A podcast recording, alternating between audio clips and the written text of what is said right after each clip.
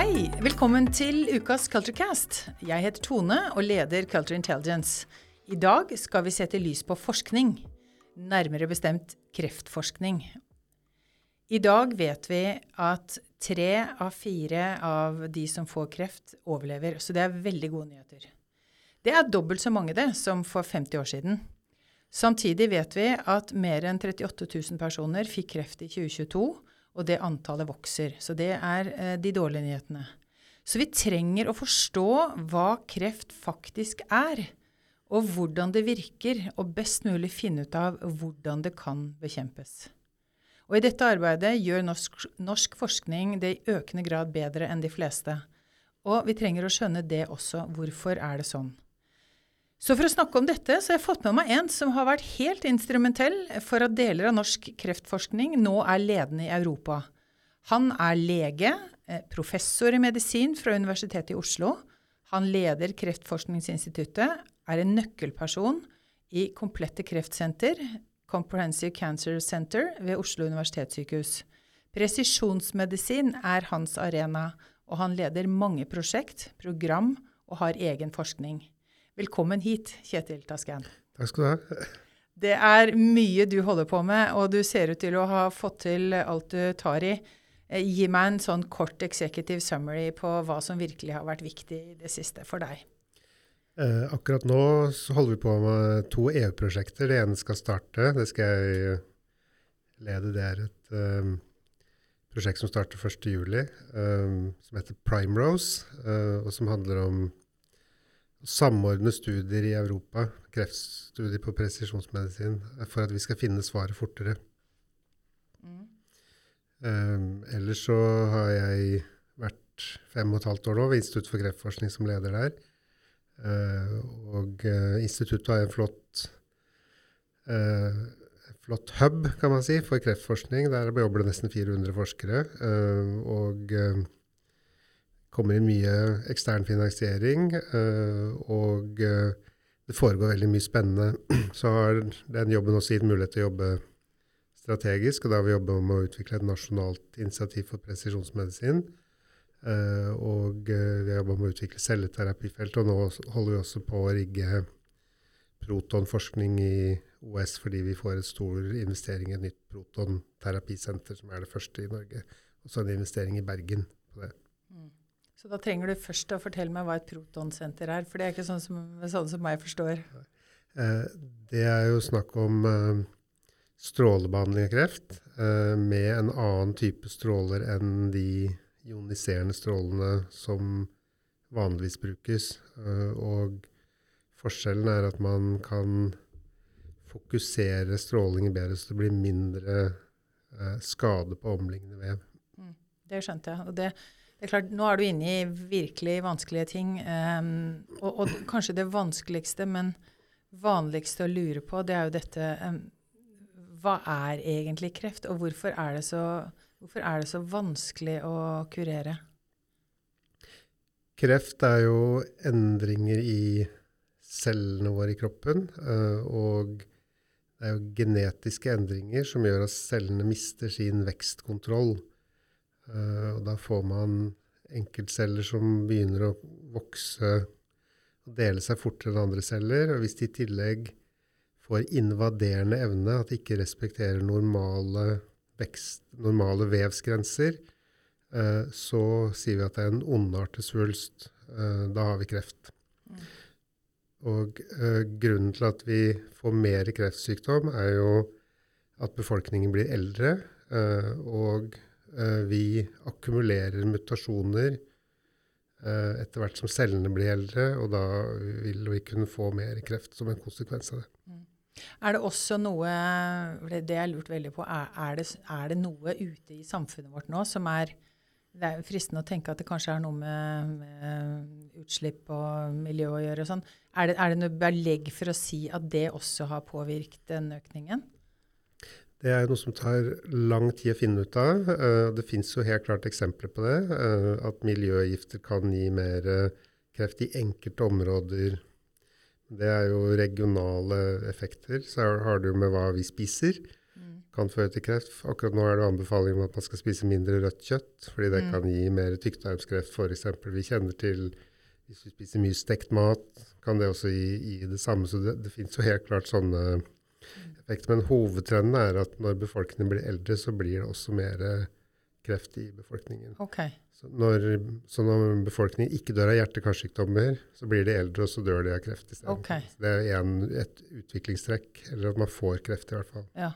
Så det er ikke noe belegg for å si at yngre, de yngre generasjonene får mer. Det er bare fordi vi lever lenger, så, så øker eh, sannsynligheten. Kreftregisteret følger nøye med på det. Det er jo Ja. belegg for å si at noen, noen kreftformer får vi mer av mens vi er yngre. Eh, En av kreftformene som har økt i Norge, er jo melanom, føflekkreft, eh, fordi vi kanskje soler oss for mye eller har vært for lite flinke til å bruke solkrem. og Det er noe som rammer yngre Mm. befolkningsgrupper. Det fins en del sånne eksempler, men hovedtrenden er det jeg sa med aldring. Mm. Dette her kunne vi, dette kan hende det blir en helt egen podkast om det, for her er det fryktelig mange interessante ting som du kan svare på. Men det med Det er også andre som kan svare bedre. Ja, jeg vet, jeg vet. Men presisjonsmedisin, det er det garantert ikke så mange som kan svare bedre på enn deg. Hva er det? Presisjonsmedisin eh, dreier seg om å forstå årsaken til kreft, eller så mye vi kan om årsaken til kreft, eller hvordan utviklingsbildet er hos hver enkelt pasient, og individualisere behandlingen ut fra det. Så basert på hva slags gentype jeg har, så kan jeg få riktig Eller er det andre ting som bestemmer Basert det? på hva, hvilke genforandringer den kreftsvulsten du eventuelt skulle få, har, eh, så kan man individualisere behandlingen. Mm. Og hvilke nye innsikter har dere liksom gen, Hva er dere jakter på når dere bruker så mye ressurser akkurat på det å være predisjonsmedisinsforskere? Vi, eh, det, det ene er jo biologisk forståelse. Hva gir kreft når vi begynner å undersøke det hos hver enkelt? Eh, Da snakker vi om eh, mutasjoner, enkeltforandringer i DNA, også kromosomale endringer. Overuttrykk av gener. eh, eh, Og flere andre typer endringer som vi kan eh, observere. Så gjelder det å ha den diagnostikken som skal til for å kunne undersøke det hos hver enkelt pasient. Og så er det spørsmål kan vi ta behandlingsvalg på bakgrunn av den diagnostikken som er bedre for den enkelte pasienten, gitt den kunnskapen, enn å gi en annen type behandling eller standardbehandling f.eks. Mm. Så er jo spørsmålet kan man gjøre det tidlig, i, sånn at man finner fram til den mest mulig effektive behandlingen tidlig i forløpet av sykdommen, eh, heller enn seint. Og kan man gjøre det på en riktig måte, sånn at man velger det, de, de, de optimale behandlingsløsningene før pasienten blir motstandsdyktig mot ulike behandlinger, f.eks. Mm. Dette her høres så vanskelig ut at uh, masse kompetanse som må cross-samles, vil jeg tro, og kompleksiteten i det hører jeg jo helt hit. Ja, det, det er, vi har bygd et nasjonalt initiativ for presisjonsmedisin innen kreft. Uh, og da jobba vi langs fire linjer. Uh, den ene var eh, vi, organiserte et, det man kan kalle et bottom up-initiativ. Et initiativ som starta i fagmiljøene. Så var det koordinering med det eh, med Helse- og omsorgsdepartementet og eh, RHF-nivået ville. Eh, sånn at det var top down møter bottom up. Det var oppskriften på suksess i Norge. Eh, og noe av det vi kommuniserte da, var jo at det kommer til å bli nok å gjøre for alle. Vi behøver ikke ha kamper mellom ulike mm, fagmiljøer i Norge om hvem som skal ha oppgavene. Og at hvis vi kan bli gjennom noen få prioriteter, så kan vi kanskje lykkes med å utløse midler. Det har vi gjort. Mm. Uh, og så jobba vi med internasjonal scoping for å se hvordan, hva skal til, hvor får de til noe, og hvordan kan vi hva skal jeg si, koble oss på de gode internasjonale initiativene. Det har vi også fått til. Uh, og så jobba vi med offentlig-privat samarbeid helt fra starten. Mm. Kan vi få med ulike farmaselskaper, diagnostikkselskaper til å være med å bygge et initiativ i Norge, at vi gjør det sammen, en oppgave som ikke noe firma kan løse alene, ikke det offentlige kan løse alene. Det var det som var utgangspunktet for det. Og det var Connect-prosjektet. Ja, Det siste var Connect-prosjektet, men også inni den nasjonale studien vi har bygd, er det offentlig, betydelig grad offentlig-privat samarbeid som har gått parallelt med Connect. kan du si. Mm. Og det du snakker om nå, det krever jo enormt mye både ressurser, men det krever jo mest av alt et mindset og en kultur, og ledere som skjønner forskjellen på, på en måte operative ting, strategiske ting, komplekse ting, lineære ting. Altså, nå er vi inne virkelig i det som er vanskelig, vil jeg tro. Uh, for man, man, får ikke til det du snakker om nå, samme hvor mye penger man pøser inn i det hvis du ikke har de rette folka, vil være min påstand. Ja, så, så, Noe av det vi har kommunisert, det er at dette kan ikke handle om enkeltpersoner som skal profilere seg, eller enkeltsykehus. Det må være et initiativ for hele landet. Det har vært politisk viktig i Norge, tror jeg. Det er riktig å si. Uh, og, uh, så vi har da kommunisert at uh, de som skal være med i prosjektet, de må være interessert i å gjøre noe for pasientene. og at det er det som teller. De er interessert i å jobbe gratis, kan du si, for å få til noe. og så kan du bli en akademisk gevinst eller noe sånt etterpå, men, eh, men, man kan ikke gå inn med det utgangspunktet at man skal ha noe personlig ut av det. Mm. Det har vi kommunisert tydelig. Uh, og så har det vært sånn at Oslo universitetssykehus er størst. Uh, og vi har da jobba med å kommunisere at vi vil dele, vi vil samarbeide. Vi, det handler ikke om at OS skal profilere seg eller ta pasienter fra andre sykehus eller Sånne ting. Så da, da, er det det at man må ville gjøre det, så må, man må si det, og, også, mm. og, og mene det og gjøre det. Mm. Uh, og da, Det koker også ned til enkle ting, sånn som at i et sånt nasjonalt initiativ Vi rensker alle prestasjoner for logoer for enkelt sykehus. Vi uh, tar vekk Har ikke forfattere på sentrale dokumenter osv., f.eks. Ja. Uh, og så må vi prate om det, sånn kultur hele tiden. Uh, og For å få til det, så tror jeg du, kan ha en inngangsverdi. Hva, uh, hva er liksom de, inngangsverdiene man går med på når man blir med i prosjektet? Det kan i hvert fall bidra til at man plukker de riktige personene. Mm. Men er det, er, er, det, er det, fordi vi er norske Nå lurer jeg på Norsk kultur er jo altså Vi bygger jo på sosialdemokratiet. Så nå er vi helt oppe på den nasjonale arenaen. Vi tenker sånn at vi er bra på å samarbeide, vi er et lite land, vi er ikke farlige for noen. Um, er, det en forutsetning, eller er det rett og slett at dere har vært kjempegode på å plukke ut de folka som klarer å gjøre det du snakker om der, og bli med på, på, på de reglene?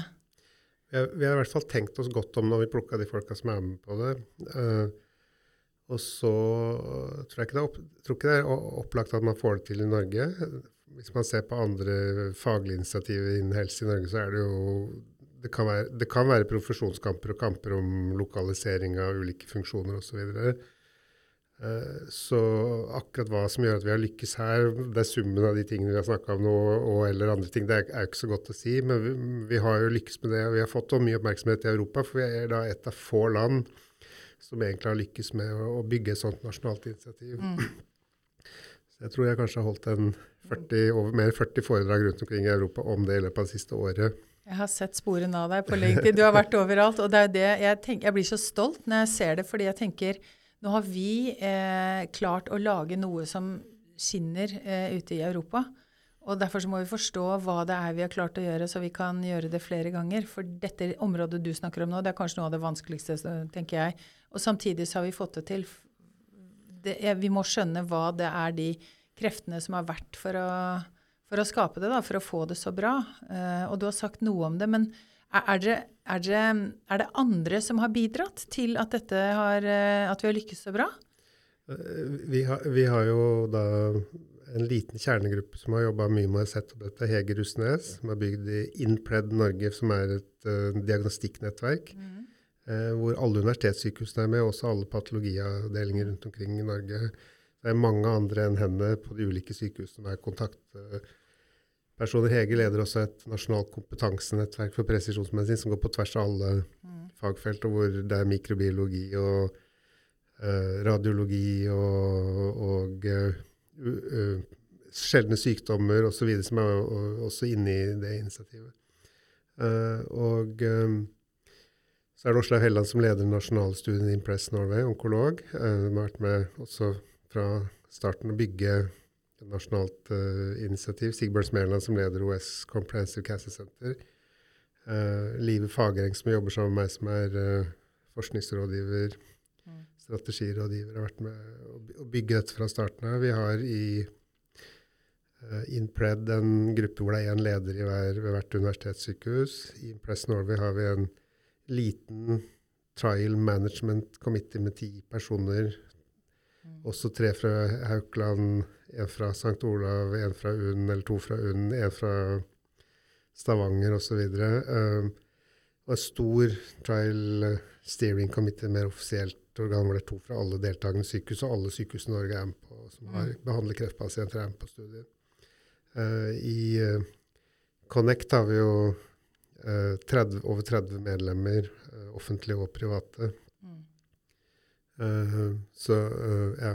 Ja, det er mange involverte. Ja, ikke sant? Jeg hører hvor flink du er til å ta fram de andre også. og jeg tenker jo Det må jo være noe både med deg, men jeg tenker den kjernen som vi snakker om nå, som virkelig har fått dette her til å, til å blomstre og funke. Snakker dere om kultur? Ja, Vi har snakka mye om kultur, og også hvem, hvordan det fungerer, og hvem vi bør ha med, og, og hva inngangsverdien og sånn er, og de tingene jeg sa nå om og hvordan man leder noe sånt. Det snakker vi mye om. Mm. Hva sier dere da? Vi, vi, sier en del av de tingene jeg har sagt nå, at det ikke kan handle om enkeltpersoner. Det må handle om pasienter og hva vi skal få til sammen. Uh, og at man uh, må være villig til å jobbe gratis, kan du si, eller legge inn innsats uh, uten å tenke på hva man selv personlig skal få ut av det, eller ens, egen, ens eget sykehus. Mm. og så snakker vi en god del om uh, hvordan det skal skalere. Det jeg har vært opptatt av når vi nå har to store europeiske prosjekter. Uh, fordi vi har ikke like god oversikt rundt omkring i Europa om hvem som er de riktige fagpersonene. Hvordan finner vi fram til de? Hvordan bygger vi en tilsvarende kultur? Uh, hva er det som kan ødelegge sånt prosjekt? Skape misstemning? få det til å ikke fungere osv. Det er jo en ting som jeg er ganske interessert i akkurat nå. Vi skal i gang mm. med et stort EU-prosjekt. Mm. Og det er jo, skalering er jo vanskelig fordi Ja, for det er ikke opplagt at det vi har gjort i Norge, skalerer ulike kulturforskjeller og, og, andre ting også.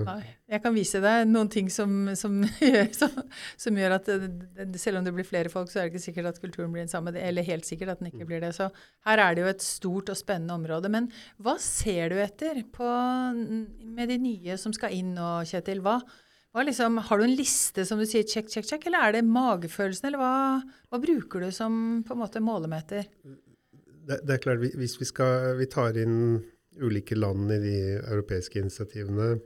Da har vi sagt at dette er åpent. Det er en distribuert ledelse. Det er et si, økosystem under utvikling hvor du trenger egentlig pentahelix, som det heter, ulike og involvering av ulike typer interessehavere. Uh, og at vi da vi leter etter de som får til noe i sitt uh, miljø som er interessert i å være med å bygge noe som har energi, som man kan se at stiller opp i ulike sammenhenger, i hvert fall. Um, noe av det går på å spørre rundt, prøve å lete. Uh, uh, noen ganger får vi tak i feil person, uh, men mange ganger har vi fått tak i riktige personer også, mm. tror jeg. Ja. Men det kan jo være sånn, tenker jeg, at la oss si det er en fantastisk eh, person der ute som virkelig har gjort alt det som du tenker hadde vært lurt å ha til prosjektet, men de funker ikke særlig godt i den setupen du inviterer de inn til. Altså, de har ikke lyst til å dele, eller de har ikke lyst til å ikke ha logoen sin der. Jeg kan jo se for meg en masse ulike scenarioer hvor det er tilfellet. Hva gjør du da? Um, da er, det, det, er, klart uh, noen, skal kanskje, noen skal kanskje ikke være med. Eller de får lov å være med, for vi sier at det er selvrekrutterende, men de finner selv ut at de ikke setter seg i forsetet, på en måte. Ja, Finner de selv ut av det, eller finner du ut av det for ja, det? De finner noen finner selv ut av det. Men noen gjør ikke det, vet du. Hva nei, gjør du da? Nei da, det, men um, der kan det bli noen utfordringer. ja. er, men sånn er det i Norge. Man skal gjete sånt initiativ hele tiden. Da. Passe på Drive litt brannslukking og passe på, på en måte. Mm. Og, og det der er jo det vanskeligste. Altså de beste folka kan være enerne, men de funker ikke særlig godt i flertall. Mm. Eh, og den, akkurat den, den, den, kvadranten der da, i matrisen, den er jo krevende. Absolutt. å lede. Ja. Og, å- og, men hvordan leder du en sånn flokk med brilliant people? Um, det er vel eh, En ting er jo at man uh, må passe på å få mobilisert alle sånn at man kan delegere, eller at man blir enige om at folk gjør ulike ting. Um, så man ikke påtar seg å gjøre alle oppgavene. Eh, og så er det å prøve å være litt struktur, tilføre struktur, da. Uh, sånn at, uh, og også at det blir ganske tydelig hva det er hva hver enkelt kan bidra med, hva de skal gjøre. Sånn, for det er mye annet som kan ta oppmerksomheten til veldig mange av de som er med. Eh, og så må det da være så mobilisert, da, i hvert fall i perioder, at de klarer å følge med på informasjonsstrømmen og da levere det de skal også. Mm. Uh, og uh, det er jo uh, I hvert fall det å tilføre struktur, da. Uh, Mm. tror jeg Mm. delvis fungerer. Mm. Men det høres ut for meg som du tilfører mye mer enn det, tenker jeg. Fordi det høres ut som du har ganske god dialog med, med alle sammen. Og da må du jo For det er der du egentlig Nå, nå antar jeg bare, ut fra det du sier, at, at du, du, du, du gjør deg opp en formening med å snakke med dem. Så hvis jeg skulle Nå skal vi bare gjøre et lite eksperiment. Eh, Hvis jeg nå hadde lyst til å Jeg er en kjempeflink eh, person som forsker som har lyst til å bli med i prosjektet. Hva er noe av det første du ville spurt meg om hvis jeg ønsker å kvalifisere meg inn i din eh, sfære av forskning? Det, er- det er jo kanskje hva du kan bidra med. Ja, da ville jeg tenkt masse flink forskning og alt det, men eh, så må du jo prøve å Hvordan finner du ut om jeg er god nok, eller hvordan, om jeg ville passe, da? Ja, det, vi, vi må vel ha inn i en del om hva prosjektet handler om, og hva som er de overordnede målsettingene, og hvordan visjon og ledelsesstruktur og sånn er på prosjektet, sånn at vi ser at da vi sammen finner en plass der hvor du føler at du kan gjøre en forskjell. Mm. Det, det var stikkordet 'gjøre en forskjell'. For det er jo det, er det jeg hører sånn helt øverst oppe på prosjektet. Det er det dere egentlig jakter på, alle sammen. Den purposen. Uh, Fins det en purpose på det store EU-prosjektet? Annet enn å kurere kreft? Eller sånn. Hvordan sier dere det? Uh, det, det er jo at vi skal, uh, vi skal generere kunnskapsgrunnlaget fortere for å se hva som virker i presisjonsmedisin. Mm. Det dreier seg jo om at det fins ganske mange legemidler som er godkjent for store kreftindikasjoner, men som kanskje virker også på eh, mindre kreftsykdommer, hvor det, er, altså hvor det er mindre på den måten at det er færre som har det. Um, eh, eller kombinasjonen av bestemte biomarkører eller endringer i DNA i- innen en bestemt kreftsykdom, så virker det kanskje, eller virker kanskje ikke, og det kunnskapsgrunnlaget er det et poeng å finne ut av. Eh, og hvis alt blir sjelden, når man begynner å se på hvilke genetiske endringer er det som gir svulsten hos hver enkelt, Mm. eh, så må vi lete rundt i hele Europa eller rundt i hele verden for å finne de Ja. pasientene som får en bestemt type behandling og har en bestemt type foran, genforandring, Mm. for å se om det virker. Vi må jo ha en del Mm. Personer i hver gruppe for å vite om ting virker. Da kan du si da er det en trippelvinn, sier jeg da. Det er en vinn for pasienten hvis vi kan finne ut av det. Vi vil ikke behandle pasienter med ting som ikke virker. Uh, og så er det en vinn for de forskerne som er hvis de finner fram til svaret fortere. Og så er det Mm. også en vinn for de industripartnerne som er hvis vi produserer kunnskapsgrunnlaget Mm. fortere. Mm. Jeg tenkte på forskere, Det der å lede forskere, tror jeg, da, eller antagelser fra min side, er vanskeligere. Eh, for du kan ikke gjøre det med kunnskap. Du kan liksom ikke, Det er ikke lenger sånn at du kan mer enn de, antageligvis om deres felt. Nå, antar jeg bare. Um, så hva bruker du når du leder si din egen ledergruppe da, på Forskningsinstitutt, Kreftforskningsinstituttet? Eh, hvordan er du som leder da? Um, det, det der er jo uh, Hvis du leder en kunnskapsbedrift, så tror jeg man må respektere at andre kan mer enn selv, og at man må legge forhold til rette sånn at andre kan være kreative og produsere og komme opp med nye ideer osv. Um, og de som er i min ledergruppe, har jo det samme ansvaret for fra 40 til 80 personer, kanskje, at de skal lage tilsvarende betingelser. Uh, så i vår ledergruppe handler det jo mye om eh, drift av instituttet, men også mye om strategi. Eh, hva velger vi å gjøre, hva ønsker vi å oppnå? Eh, vi vil at folk skal snakke mer om forskning med hverandre. Utnytte, kanskje utnytte potensial. Hva skal vi gjøre da for å legge til rette for det, osv. f.eks. Men um, Uh, hvis jeg leder min egen forskningsgruppe, så leder vel jeg mye ved å skape en visjon for hvor vi skal. Uh, og så selger jeg den visjonen, kan du si. Uh, det er mm.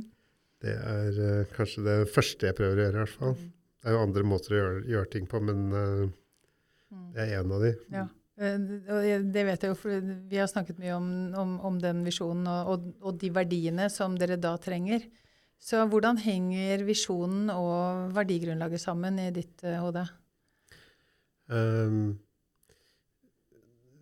vi, vi, har jo en visjon om at vi skal gjøre fremragende kreftforskning. Og så har du en prosess som gikk på hvilke verdier og hvilke verdigrunnlag trengte vi for å kunne oppfylle den versjonen. Det var en god prosess. Uh, uh, og uh, hvor vi definerte hva er de viktige verdiene for Institutt for kreftforskning. Og det tror jeg mange har tatt med seg. Og vi har jo også det trygt forskjellige uh, ja. steder. Mm. Og, kan du bruke det, den tenkingen, den systematikken der, ut i det prosjektet ditt i Europa, eller må du finne andre verdier der som fungerer, eller hvordan har du tenkt å gjøre det? Det kan jo hende vi må finne andre uh, verdier. Det er ikke sikkert alle har samme verdigrunnlag heller, men, men det er klart noe av det med å si at her må folk få, de kan få bidra og, og være med, det, men de må ha, akseptere hva som er inngangsverdiene. Uh, det er én måte å hva skal jeg si, formidle noe av det på. Uh, uh, ja. Mm. Og så lurer jeg på, og dette er 10 000 dollar-spørsmålet, Kjetil. finnes det en ideell forskningskultur? det tror jeg svaret er nei på. Uh, jeg, det, det, er klart uh, Man kan si en del ting som bør være i en forskningskultur. Uh, den, uh, det man si, rapporterer, finner ut, skal jo være riktig. Ja. Det skal være godt dokumentert. Det er en del sånne helt basale ting. Ja, ja Si de til meg, så jeg skjønner de. Vi, vi, vi skal ikke ha fusk. vi skal være sikre på at det er riktig. Uh, forskning som ikke er, kan dokumenteres etterpå, den har, kan man jo forvente at andre regner med at ikke har skjedd. Um, uh, uh, og uh, det skal være i henhold til lov og regler. forsker man på pasientmateriale, skal pasienten ha samtykket, man skal ha godkjenning av etisk komité osv. Det skal være trygt å jobbe med forskning i henhold til arbeidsmiljø. og sånn Jobber vi mm. med virus, så skal vi ha tillatelse det skal være trygt for de som jobber med det, de skal vite hva de skal gjøre. og så. Det er det sånne basale regel, det, Helt eller beskrevne regler. Helt grunnleggende ja. ting som ja. du trenger for å drive ja. et forskningsinstitutt hvor man driver med eksperimentell forskning f.eks. Skal du gjøre dyreforsøk, så er det et regelsett som du må følge osv. Så, uh, så det, det, er jo noe. Uh, Men på oppå der? Oppå der så må vi ha en kultur uh, som er kreativ, hvor folk eh, klarer å hva skal jeg si, tenke ut sitt neste eksperiment. Uh, og hva, hva vi, vi, stiller de riktige forskningsspørsmålene. Tenker ut hvordan skal de få svar på de.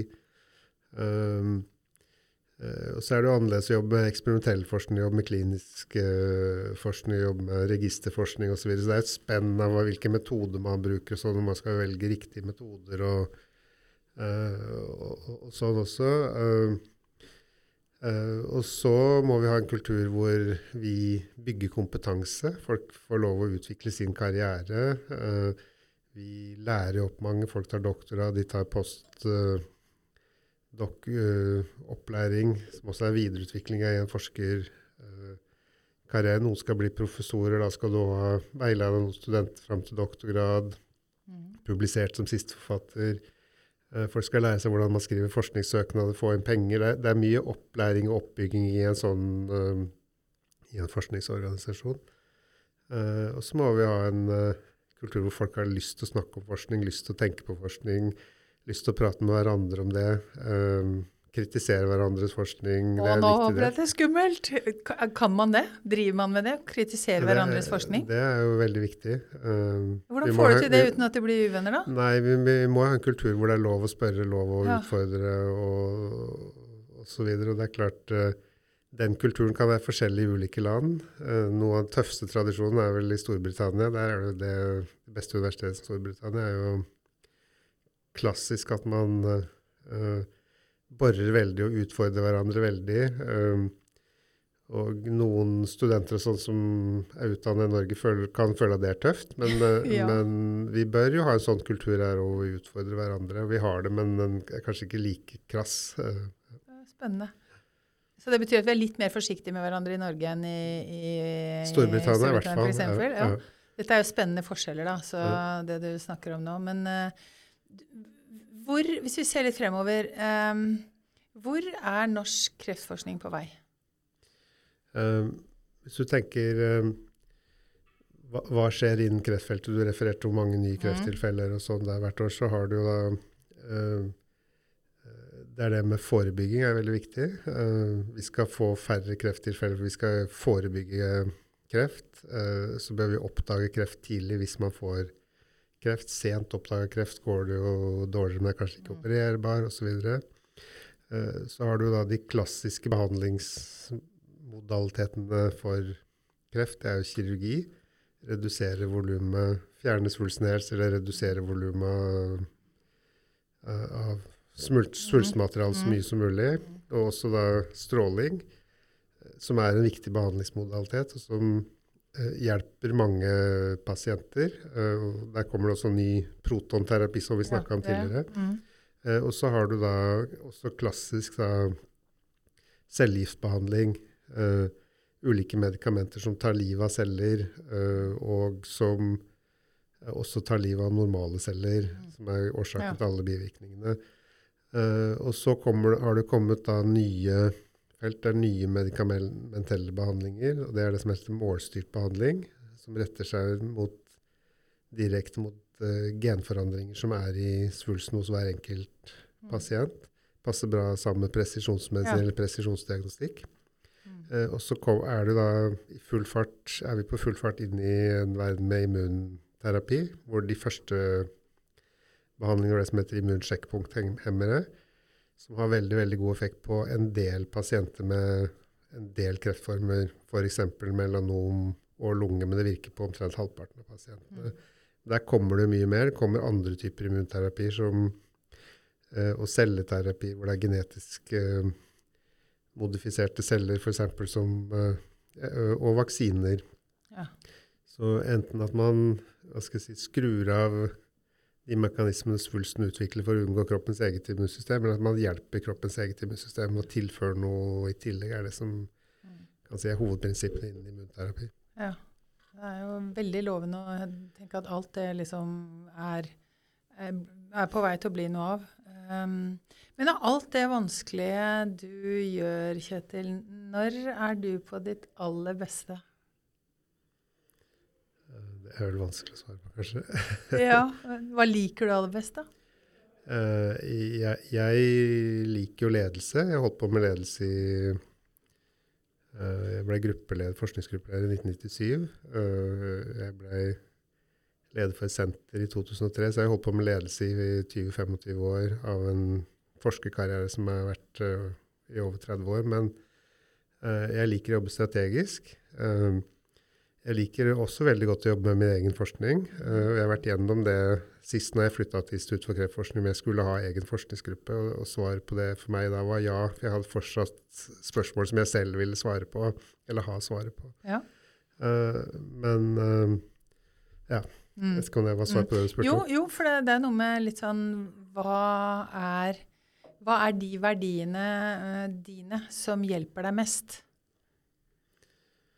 Eh, for meg, mine egne personlige verdier har jo eh, vært eh, eh, mot, glede og sjenerøsitet. Eh, og det har vært at man skal ut av komfortsonen. Man skal tørre å gjøre noe, tørre å si at man vil gjøre noe som er bra. Eh, eller ha hårete mål. Og så har det vært det å ha med seg den gleden det er å jobbe med forskning, gleden det er å kunne se resultatene av god forskning, uh, den gleden det er av å hva skal jeg si, drive med selvledelse for å bestemme hva man skal gjøre som forsker selv, at det er den friheten man har. da. og så har det også vært det der med å dele. At man, hvis man deler, og har det som utgangspunkt at man skal være så sjenerøs man kan i alle sammenhenger mot andre, så tror jeg man oppnår mer uh, enn hvis man ikke gjør det. Mm. Ja, det er jeg helt sikker på at folk kjenner deg som. Sånn som jeg kjenner deg, i hvert fall, så er det jo det du virkelig har fått til. Og kanskje er det hele grunnen til at alt dette samarbeidet går så bra som det gjør. Da. At det er det noe av det som ligger i grunn. Det kan vi i hvert fall ha som hypotese. Um, hvis du skulle tenke på noen ting som Det er mange forskere der ute som, som jobber med vanskelige ting også. Uh, går det an å gi dem et sånt generelt råd uh, hvis man er forsker, som, som du tenker sånn dette kan, dette kan være en god ting å huske på? Jeg, jeg, har noen sånne ting som jeg sier til skal jeg si, yngre forskere og min egen forskningsgruppe. Og, og sånn, og det er jo at man trenger litt flaks for å lykkes i forskning, men du verden så mye mer flaks de har som jobber hardt, enn de som ikke gjør det. man kan jo si det, ok, kanskje det bare har med antall eksperimenter å gjøre, pleier, men ja. da pleier jeg å si at man trenger litt flaks og å lykkes i forskning, men du verden så mye mer flaks de har som tenker seg godt om før de gjør eksperimentene sine, uh, i forhold til de som ikke gjør det. Akkurat. Det, var et veldig smart uh, Det var, et forskningsbasert råd. veldig, veldig bra. Men du, helt sånn avslutningsvis, hva gleder du deg mest til i sommer? I sommer skal jeg starter ferien om halvannen uke eller noe sånt. Da skal jeg være nede på hytta nede i Østfold. Da blir det litt båtliv og gjøre litt andre praktiske ting og sånn i hvert fall. Mm. Skal, du forske, på, skal du forske på noe da, eller? Nei, det tror jeg ikke. I, is og båt og vann og sånn? Kanskje det. Ja, men det er bra.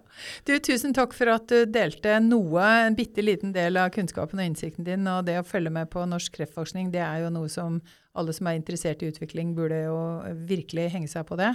Og i kjølvannet av deg så kommer det jo masse interessant opp. Så jeg gleder meg i hvert fall veldig til å se neste knepp på, på den reisen der, og hva vi, ikke minst eh, som eh, en norsk nasjon, kan bidra med, og, og hva dere spesielt der oppe på Kreftforskningsinstituttet kommer til å få til. Så tusen takk. Takk for at jeg fikk komme. Masse lykke til. Takk for det. Ja, god sommer. Ja.